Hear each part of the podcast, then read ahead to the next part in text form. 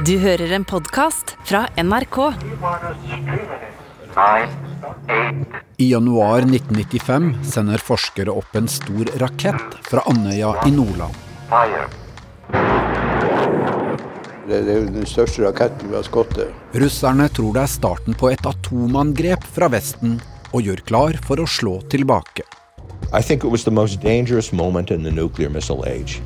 Oppskytingen er varsla, men det når ikke fram til det russiske militæret og president Boris Jeltsin. Først etterpå skjønner folk hvor nære på atomkrig det var. You know.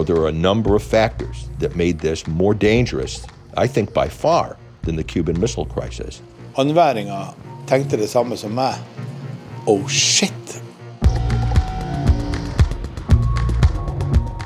Du hører på miniserien Da Norge var i kald krig. Dette er tredje fortelling, 'Raketten på Andøya', av Ola Hellnes.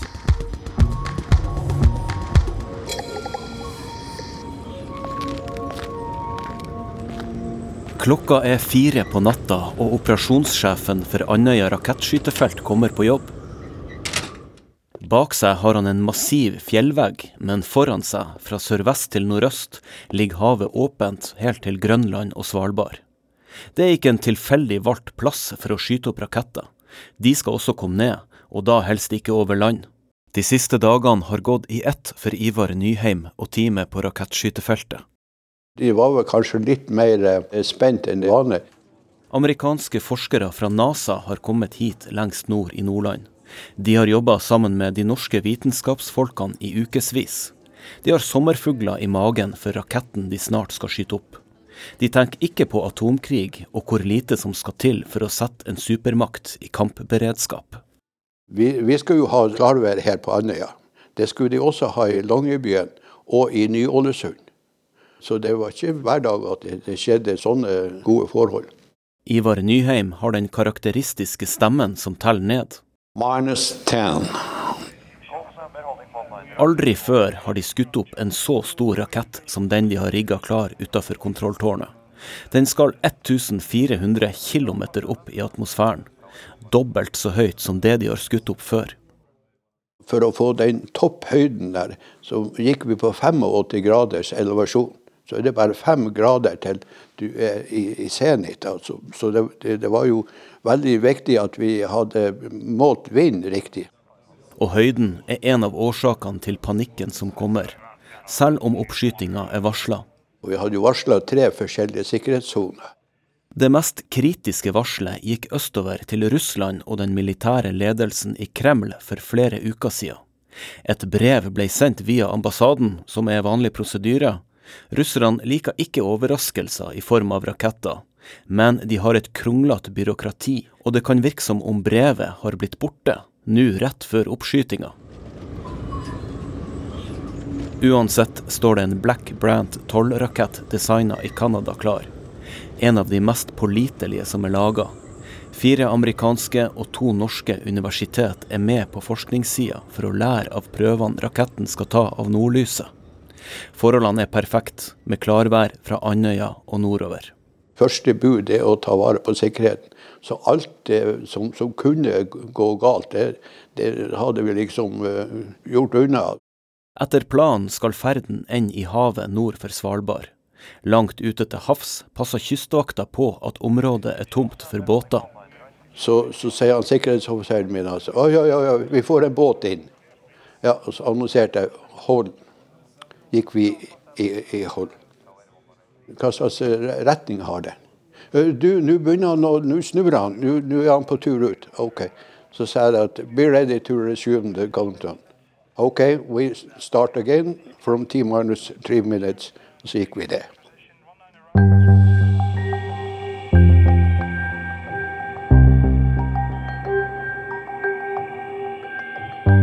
Russiske ledere har opp gjennom årene ikke vært spesielt begeistra for Andøya. På 50-tallet bygger Norge og Nato en flystasjon som sender krigsfly på vingene.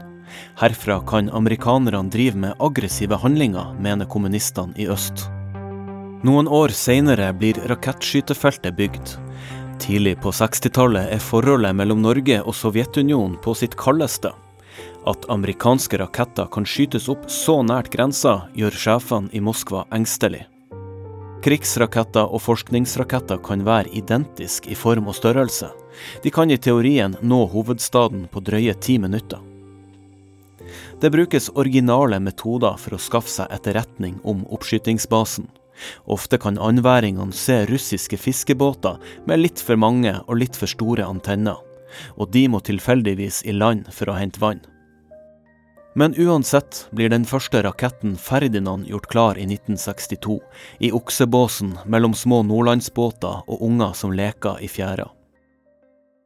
Og da øker hastigheten uhyggelig fort på oppover. Når faller da denne Niken ned? Eh, Den faller ned etter eh, Ja, jeg husker ikke akkurat eh, tidspunktet, men den Det er litt prøving og feiling. Det skjer at raketter styrter like etter oppskyting. Det virker jo for tilskuerne som om raketten løper løpsk eh, rett etter skuddet går. eh. Hvordan er det med sikkerheten hvis den har tatt peiling mot tilskuere som står Det ville han ikke ha gjort, for at det er derfor vi plasserte dere så langt ifra. Dere var utført i soner som ville være farlige. Men de aller fleste oppskytingene går bra, og rakettskytterfeltet blir brukt av internasjonale forskningsmiljø. Flere hundre raketter tar av herfra de neste 30 årene, men i 1995 gjør de klart ekstra tungt skyts. I Moskva sitter Russland sin president Boris Jeltsin og aner ingenting om raketten som står klar. Det gjør ikke generalen eller forsvarsministeren hans heller. Ingen i styr og stell vet noen ting. Varselet om oppskytinga fra Andøya når aldri frem. Ganske kritisk informasjon.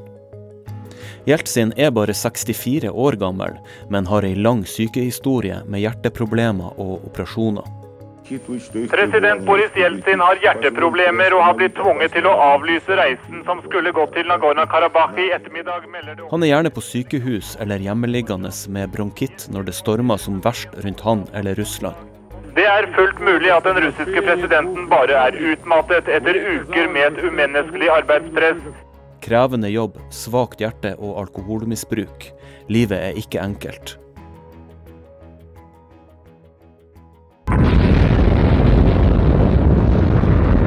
Avslutninga på andre verdenskrig med bombene over Japan viste hvor ødeleggende atomvåpen er. 50 år seinere er effekten mange hundre ganger kraftigere, og USA og Russland har tusenvis av forskjellige typer atomvåpen. Supermaktene er i konstant beredskap, Russland i kanskje større grad enn USA. De er klar til å fyre av sine våpen før de blir truffet av motstanderen, for da er det for seint. I et sånt klima kan en misforståelse eller feilberegning bety undergangen for store deler av jordkloden.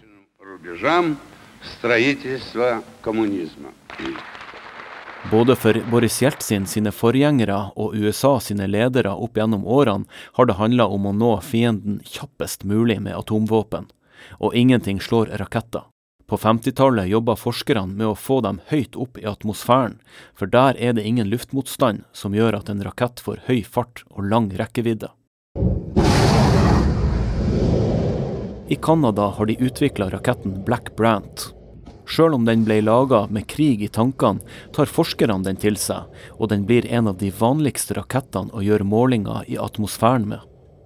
Den minner om en amerikansk atomrakett som de sender opp fra ubåter under vann. Slike Trident atommissiler har samme lengde, de har ledd som slippes når drivstoff er brukt opp, og de går opp i samme høyde. Og nå står den 15 meter høye Black Brant-raketten i utskytingsrampen i havgapet, med forskningsinstrumentene i det øverste leddet. Den veier over fem tonn, eller en tre-fire personbiler. Seven, six, five, Klokka er fem på halv åtte.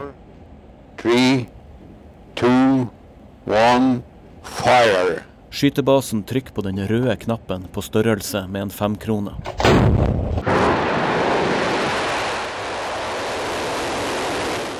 Det er et spektakulært syn med flammer, røyk og ei pil som på 20 sekunder akselererer til ei fart på 1000 meter i sekundet. Ingenting kan stoppe den nå. Det fins ingen angreknapp. Kun ei kort stund er den synlig for det blotte øyet, men forskerne er uansett ikke fascinert av sånne ting. De samler seg rundt skjermene for å følge raketten der. Fire telemetristasjoner skal ta ned data. De snakker med stasjonen på Svalbard som også følger med, forteller Ivar Nyheim. Som ansvarlig for operasjonssjef så måtte jeg jo ha oversikt over, det hele, og hadde jo nær kontakt med vitenskapelig miljø og det tekniske. Og, hvis det var et eller annet, så hadde jeg bedt om å bli holdt orientert, så jeg hadde hele tida full kontroll over det som, som skjedde. Data om nordlys og ioniske fenomen strømmer ned fra raketten. Det er ei spent stemning. Du, Da er det hett, da er det dørgestilt. Så må du, må du ikke nærme deg det her vitenskap og det, det tekniske personell. Men nå er du så anspent at så alt kommer jo inn. og, og Jeg behøvde ikke å spørre, men jeg bare så på dem. Altså, på, og, hele tida satt i så Hele dette gjengen. Det var, det var, da topp. Tommel opp.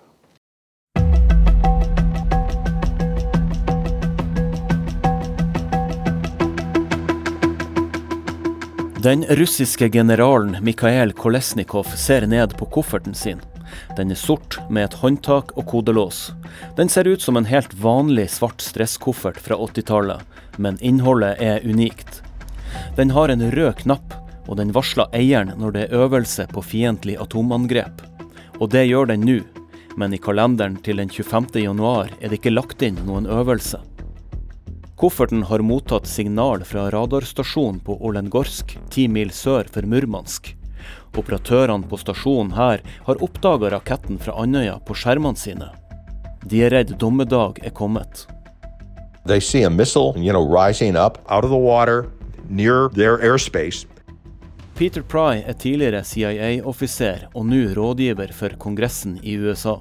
Han har skrevet flere bøker om når jordkloden står på spill, med egne kapitler om Andøya. Han har også møtt den russiske generalen som nervøst ser ned på kofferten sin. The radars cannot precisely show you where the missile is coming from. You know, it could be coming from Undoya Island, but Undoya Island is surrounded by the ocean. So they think it's much more likely to be coming out of the ocean. De russiske radaroperatørene tror prikken de ser direkte kommer fra en ubåt. De har ikke fått beskjed om noe rakettoppskyting. Raketten går mye høyere enn en vanlig værrakett som de har skutt opp før fra Andøya. Omtrent like høyt som en atomrakett ville flydd. The missile was designed to, to study the aurora borealis, which is exactly where you'd want to do an EMP attack, up at that altitude. EMP, som Peter Pry snakka om, står for elektromagnetisk puls. En rakett som kan utløse en slik puls, trenger høyde og kjernefysisk kraft. Den forårsaker en så kraftig elektromagnetisk utlading at all elektronikk på bakken blir slått ut. Som om lynet skulle slått ned jevnt over et helt kontinent. Ingenting som går på strøm vil virke lenger, og heller ikke Russland sine atomraketter som de vil bruke til å slå tilbake. Det er derfor den enslige raketten fra Andøya skaper panikk på radarstasjonen og størrelsen på nordlysraketten passer til en slik EMP-rakett. The radars would see uh, a, a, missile that was uh, the Black Brant 12 had dimensions uh, similar to those of the of the Trident uh, ballistic missile that would be launched from a U.S. ballistic missile submarine, and they hadn't received a ballistic missile launch notification to tell them that there was going to be a uh, a meteorological rocket launched. So for to them, this looks like it fits into their scenario of a surprise attack being launched by a US ballistic missile submarine that's forward deployed.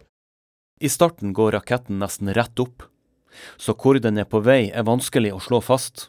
Lars Peder Haga ved Luftkrigsskolen forklarer. En utfordring når du får et sånn ballistisk missil som skytes eh, nesten rett opp, at det tar litt tid før du har nok målinger kan du si, med radaren til å se hvilken retning den går i. Haga er forsker på bruk av fly, bomber og raketter. Han sammenligner rakettens bane med et ballspark i mørket. Han sammenligner med å, å, få en kamerat til å sparke en fotball skikkelig hardt opp i, i, lufta fra bak en vegg, og så må den nesten opp på toppen av banen før du ser hvilken retning den går i. Så kan du legge til at du ser på den med ei blinkende lommelykt. Det er vanskelig å forsvare seg mot en atomrakett. De kan ikke skytes ned. Nei, ingen praktisk mulighet til å gjøre det moderne interkontinentale ballistiske missiler med De har gjerne flere stridshoder som går i forskjellige retninger. De skyter narremidler som forstyrrer radaren din.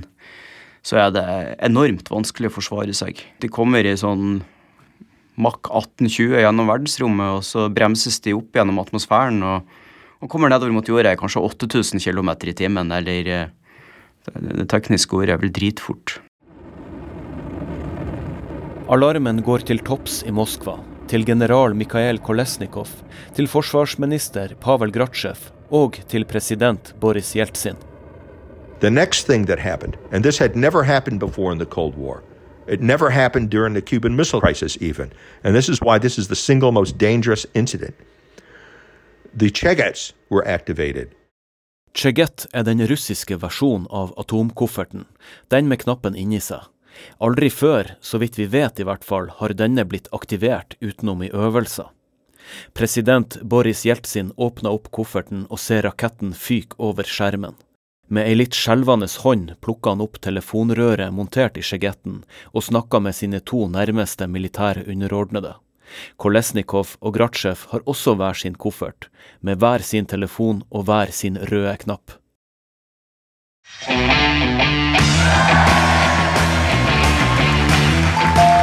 Atomkofferten er så kjent på 90-tallet at den og Boris Jeltsin blir harselert med i norske humorprogram. Men, men altså Selve atomknappen, det, det, er, det, er, den, er det det? Altså, Hva står det under der? Trykk her for tredje verdenskrig!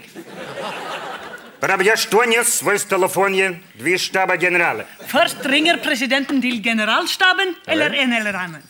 Men hvordan er president Jeltsin som person egentlig, utenom sin skrantende helse og alkoholmisbruk? Hvem er det som holder verdens skjebne mellom hendene på kontoret sitt i Kreml? I 1995 er NRK sin mann Jan Espen Kruse på vakt i Moskva. Verken i det russiske utenriksdepartementet eller her i det russiske forsvarsdepartementet vil noen ansvarlige nå i kveld kommentere den oppsiktsvekkende utviklingen i rakettsaken. Det var jo veldig dramatisk. Jeg mener, eh, Når president Jeltsin sier at han har satt i gang eh, For første gang har han brukt denne her svarte kofferten så, så var jo det Jeg mener, det var jo helt sånn wow.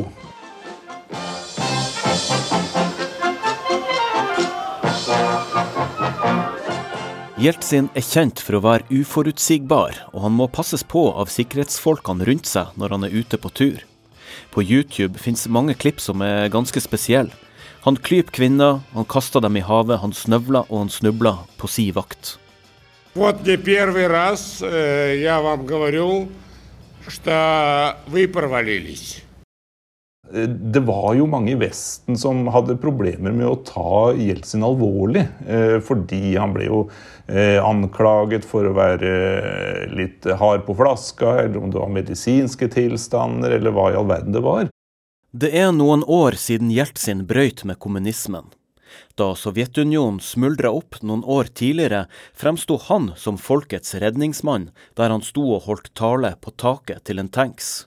En nasjonalhelt som kjempa for et demokratisk Russland. Men i 1995 er han under høyt press fra mange kanter.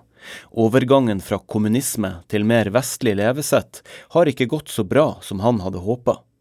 Russland har store økonomiske problemer. Arbeidsledigheten går i taket, og fattigdommen øker. Hans politiske motstandere prøver to ganger å få han stilt for riksrett for å bli kvitt han. Det hele toppa seg i 1993 for han åpne TV-kamera med at Jeltsin får militære tanks til å skyte granater inn i parlamentsbygninga. Konflikten mellom parlamentet og presidenten eksploderte i et væpnet oppgjør som krevde minst 147 menneskeliv.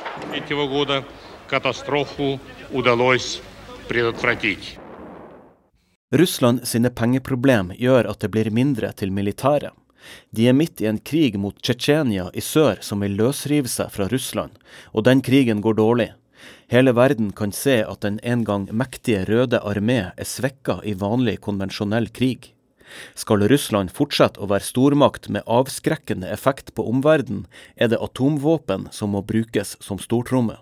Russland har jo satset mye på atomvåpen i sin militære strategi. Særlig på 90-tallet, da de ikke hadde bygget opp så store konvensjonelle, eller vanlige styrker. Da, da utviklet de atomvåpen, og det var liksom hovedbestanddelen deres i avskrekkingen overfor Vesten. Men det fins lyspunkter for Jeltsin. Dette er det bildet av toppmøtet som president Bill Clinton og president Boris Jeltsin ønsker å vise verden. På den andre sida av jordkloden har Jeltsin bygd opp et nært forhold til USA sin president. To mektige statsledere som kommer sammen i fordragelighet for å drøfte fred og samarbeid. Bill Clinton støtta Jeltsin i hans kamp for å reformere Russland, og sammen jobba de frem nedrustningsavtaler for atomvåpen. My confidence level in him is strong. If you ask me, do I think he is the, still the effective president of Russia? And is he making those decisions? Yes, that's what I believe is the case.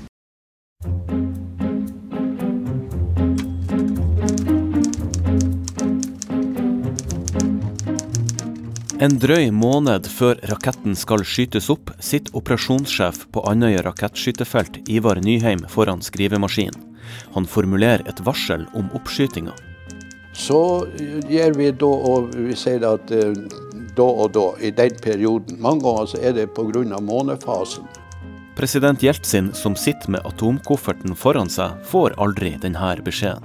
Og Da går vi ut og varsler og setter på programmet at i den og den uka vil de ha en uh, rakettkampanje. Så beskriver jeg den uh, hva slags type raketter, hvor høyt kan vi komme. Alle de tekniske dataene det får de. Altså Nedslagsfeltene er sånn og sånn. Brevet går i posten til Utenriksdepartementet. Og noen dager seinere bekrefter de at brevet er mottatt. UD sender beskjeden videre til den russiske ambassaden, sånn som de bruker å gjøre. Hva som skjer etter dette, vet vi ikke helt sikkert, men det er sannsynlig at det er en kommunikasjonssvikt i Russland som gjør at informasjon aldri når generalstaben. Det er kaotisk i det statlige byråkratiet og i militæret. I Olengorsk følger operatørene med på prikken på radarskjermene. De vet at en tabbe kan koste dem jobben. Noen år tidligere klarte en tysk tenåring å lure dem og fly privatflyet sitt helt til Den røde plass i Moskva. Kanskje har de det i bakhodet. En sånn flause vil de nødig gjøre igjen. De har ikke noe valg. De må slå alarm.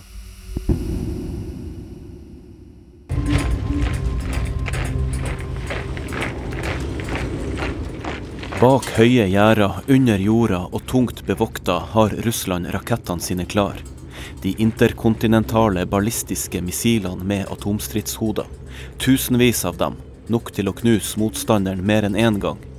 En bunker hvor du gjerne har eh, Den er dypt nede, og selve kassen kan være opphengt i fjærer.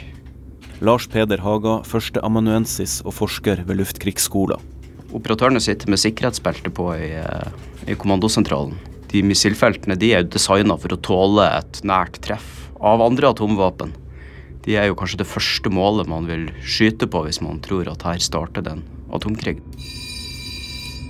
Beredskapen er heva og forberedelsene er i gang.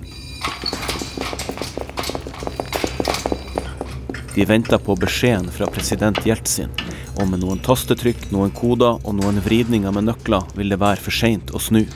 Da blir det nok en litt uh, merkelig stemning, vil jeg tro.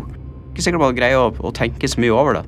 Det blir litt abstrakt kanskje når man sitter i et, et, rom og gjør de samme håndgrepene du har gjort masse ganger før på en øvelse. og Om du egentlig tar inn over deg hva du holder på med, jeg vet ikke. Det, det er vanskelig å, å sette seg inn i, egentlig. What's happening is that they stop all the communications, that they stop all exercises. They basically go silent. Chegetten står altså fremme i Moskva, og lampene lyser.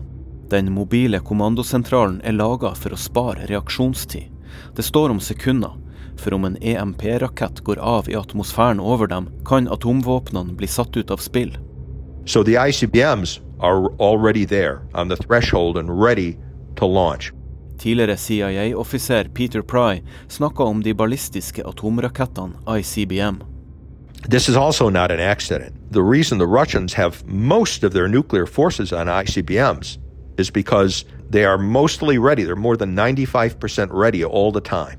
I praksis er de få minutter fra å få rakettene i lufta. Dette er den raskeste måten å få atomraketter av gårde. Mye raskere enn å sende opp bombefly eller ubåter til havs. Dessuten vil de bli oppdaga av fienden sine satellitter. Forskningsraketten som ble skutt fra Andøya, den brukte jo ca. 25 minutters flytid fra Andøya til eh, Svalbard. Og den avstanden er røftlig den samme som den ville ha vært fra Norskehavet til Moskva. Så det vil si at fra de oppdager raketten til en eksplosjon over Moskva, så har de kanskje 20 minutter på seg. Så det betyr at skal du svare og rekke et, et skudd før store deler av dine våpensystemer er satt ut av spill, så har du veldig dårlig tid. Det, det er noe av det som gjør denne atombalansen med ballistiske missiler veldig guffen. General Kolesnikov og forsvarsminister Gratsjev diskuterer med president Jeltsin. Peter Pry kaller disse to for hardlinere. De tror ikke på diplomati og samtale på samme måte som vanlige politikere. Det er gamle kommunister med hedersmedaljer på skjorta fra det gamle Sovjet. And General Kolesnikov, who was the chief of the general staff, who I personally met and was one of the hardest of the hardliners of all. You know, both of them deeply suspicious of the West, both of them robotically trained, you know, so that as a military professional, you know, you're supposed to do what you do in the exercises. And here the Cheget is on, and the president is supposed to be choosing a nuclear strike option, not questioning whether the event is real. Krasjov Kolesnikov de er jo vokst opp i Sovjetunionen. Det er, verden er en kamp mellom store makter, og, og den som viser svakhet, den blir skvist og tatt knekken på. Their duty is to advise the president on what kind of a nuclear strike to make, and to have the nuclear strike actually happen. Oppe i atmosfæren slipper nordlysraketten sitt siste ledd, som en Trident-missil oppskutt fra en ubåt ville gjort. Pavel Grachev and Kolesnikov says, this is what we've been warning you about. Now is the time, practically yelling at Yeltsin to push the button. Hvilke tanker som går gjennom Boris Jeltsin sitt hode er ikke godt å si. Kanskje tenker han på sine landsmenn, 150 millioner av dem. Kanskje tenker han tilbake på samtalene med Bill Clinton om nedrustning og samarbeid. Uansett er han fylt med tvil, surrealisme og en god dose nervøsitet. I'm sure it was probably the most agonizing moment of Yeltsin's life. Equivalent to that, making a decision like that would be equivalent to literally playing Russian roulette. You know, that you've got more than one bullet in the chamber, you know, of a pistol, and you have to decide, you have to spin that cylinder and hope that you're not going to pull the trigger on a bullet. I think the incident, the stress of that was playing Russian roulette with the whole world, you know, at stake.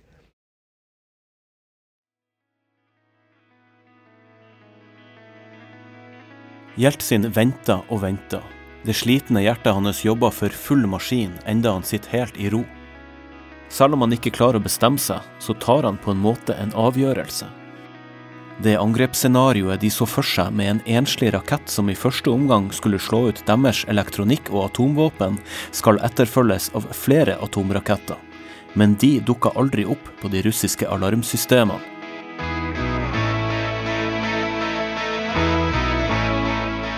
Han trykker ikke på den røde knappen midt i kofferten. Han lukker lokket over den, og jordkloden er igjen en trygg plass. Men det har jo også antagelig kommet inn mer informasjon. Man bruker alle andre systemer man har for å se etter det oppfølgingsangrepet som nødvendigvis må komme. Man ser ikke noe mer raketter som kommer, og da skjønner man at det her stemmer ikke med en angrepsprofil. Så at det kommer noe informasjon inn fra sida og støttesystemene som gjør at man skjønner at det her er ikke et angrep, og man ombestemmer seg. Og når raketten er på vei ned, ser de at den er på tur og styrt i havet. Og så er det også sånn at etter hvert så får radaren i Alenigorsk et bedre bilde, og de ser at, at, raketten går ikke imot russisk territorium, men det går bort fra russisk territorium, eller parallelt med ei delelinje. President Jeltsin, general Kolesnikov, forsvarsminister Gratsjev og operatørene for atomrakettene kan senke skuldrene. De har stått i et dilemma som veldig få skjønner alvoret av. Ingen i den vestlige verden vet om dette dramaet denne januardagen. Ingen hadde mulighet til å forklare eller å avverge i de 20 minuttene det sto på. Ingen mulighet til forhandling som under en opptrappende konflikt. Gjennom media får verden vite om Andøya-raketten. God kveld. Oppskytingen av den sivile forskningsraketten fra Andøya førte til full kampberedskap i det russiske forsvaret. Operasjonssjefen på rakettskytefeltet, Ivar Nyheim, går og legger seg etter oppskytinga. Det som overraska meg, det var jo den beskjeden jeg fikk da jeg ennå lå og, og, og, drømte, holdt jeg på å si. Kona kom og vekket meg at, at uh, omtrent hele verdenspressen var, var på jakt etter hva som hadde skjedd i, oksebåsen. For det her var jo Noen var vel sekund fra en verdenskrig. Det ringer presse fra hele verden, og de prøver å forklare at de har gjort alt som de skulle. For misforståelsene står i kø. Først var det at vi hadde skutt ned, og så var det det at russen hadde skutt ned en norsk rakett. Så jeg måtte forklare dette her til journalisten som, som det er bare, bare tull. Den raketten det er noe av det mest nominelle som har vært på, på ja, det, det, det, var jo begynt å spredde rundt omkring i, i det store, store utland. Jeg sa det, du må, du må tro på, på dine landsmenn, ikke, ikke på, på, det som kommer opp nå. Jeltsin sjøl drar dagen etter til en industribedrift sør for Moskva, og han skal egentlig snakke om økonomi. Men han forteller heller om rakettalarmen og spekulerer i om noen ville teste dem og forsvarsevnen.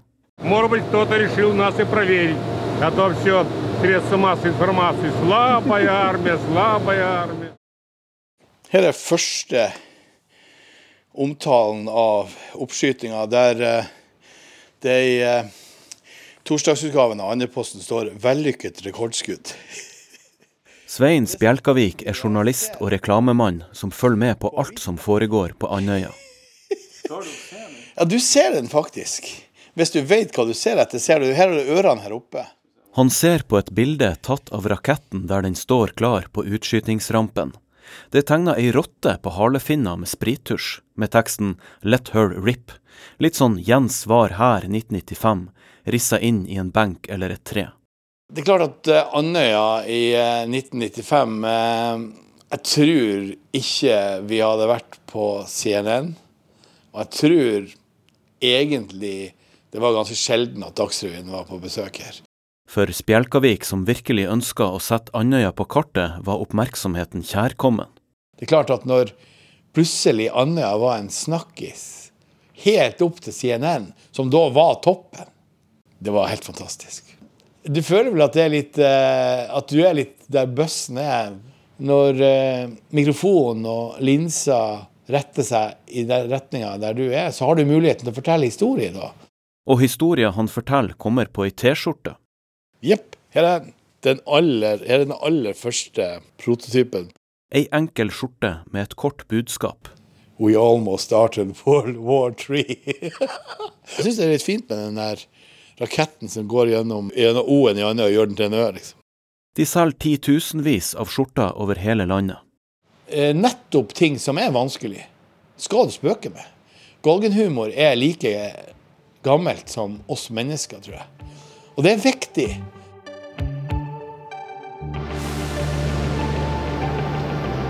General Kolesnikov ser neppe humoren i rakettepisoden der han står i militæruniformen sin, klar for å møte sine amerikanske motparter i Washington. De andre i den russiske delegasjonen hans har sivile klær på, for å dempe spenninga. De er samla for å inngå partnerskap og bli venner, kan man si. Den gang CIA-offiser Peter Pry får sjansen til å snakke med generalen. Fortsatt er han overbevist om at raketten fra Andøya var en aggressiv handling fra USA. Well, I met Kolesnikov uh, once in Washington in, in the aftermath of all of this. A proud Russian nationalist. He was a the kind of guy you don't want to have to fight a war against, you know. But Kolesnikov was still convinced, you know, years after the incident happened, that what we were doing was testing and gather intelligence against them for some future attack. Kolesnikov sa i ettertid i et intervju at reaksjonen deres var berettiga, og at de som mente Russland sin kampberedskap var svekka, måtte tenke seg om en gang til. Men han innrømte at oppskytinga var varsla av rakettskytterfeltet og norske myndigheter som det skulle. Utenriksdepartementet endra likevel rutinene etter hendelsen, og det ble sendt påminnelser i tillegg til de vanlige varslene. Så jeg tror de fleste anværinger, og også de fleste nordmenn, tenkte det samme som meg. Oh shit, var det så nært? For det hadde ingen av oss trodd. Det er en ganske skummel tanke. Andøya-raketten med rotta på halefinna ligger nå i biter på havets bunn mellom Norge og Nordpolen. Fortsatt den eneste raketten som har aktivert atomkoffertene og fått det til å gå kaldt nedover ryggen til Russlands president. Jeltsin snakka aldri om grunnen til at han unnlot å gi ordren om gjengjeldelse, eller hva han tenkte da det sto på. Ingen vet hvor nært fingeren var knappen. Alkoholmisbruket ble ikke bedre etter dette, og det prega hans ettermæle. Rakettepisoden der han satt med kofferten foran seg og knappen han ikke trykte på, blir sjelden trukket fram. Satt litt på spissen, så berga han jo jordkloden, slik som vi kjenner den.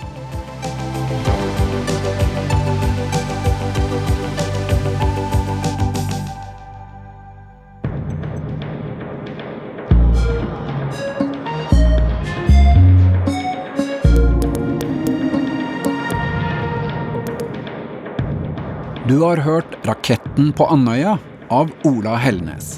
Produsent Line Alsaker, redaksjonssjef Ragnhild Weire. Vignettmusikken er laga av Nils Jakob Langvik. Boka 'War Scare' av Peter Pry har vært en kilde, samt ulike artikler fra VG, Aftenposten, Bergenstidene, Harstadtidene, Lofotposten, Adresseavisen og Dagbladet. Jeg heter Kjetil Saugestad og svarer på e-post sendt til hele historien krøllalfa nrk.no. En podkast fra NRK. Hei, det er meg. Are Sindosen Han som er så opptatt av de gamle norske kongene, vet du. Nå har jeg mange nye episoder om dem i podkasten Kongerekka. Det er blitt middelalder, men fortsatt er det flust av intriger, sex, brodermord, slag og riddere. Det er jo vår Game of Thrones, det her. Fra virkeligheten. Bare at det ikke er fullt så mange drager. Hør podkasten Kongerekka i appen NRK Radio.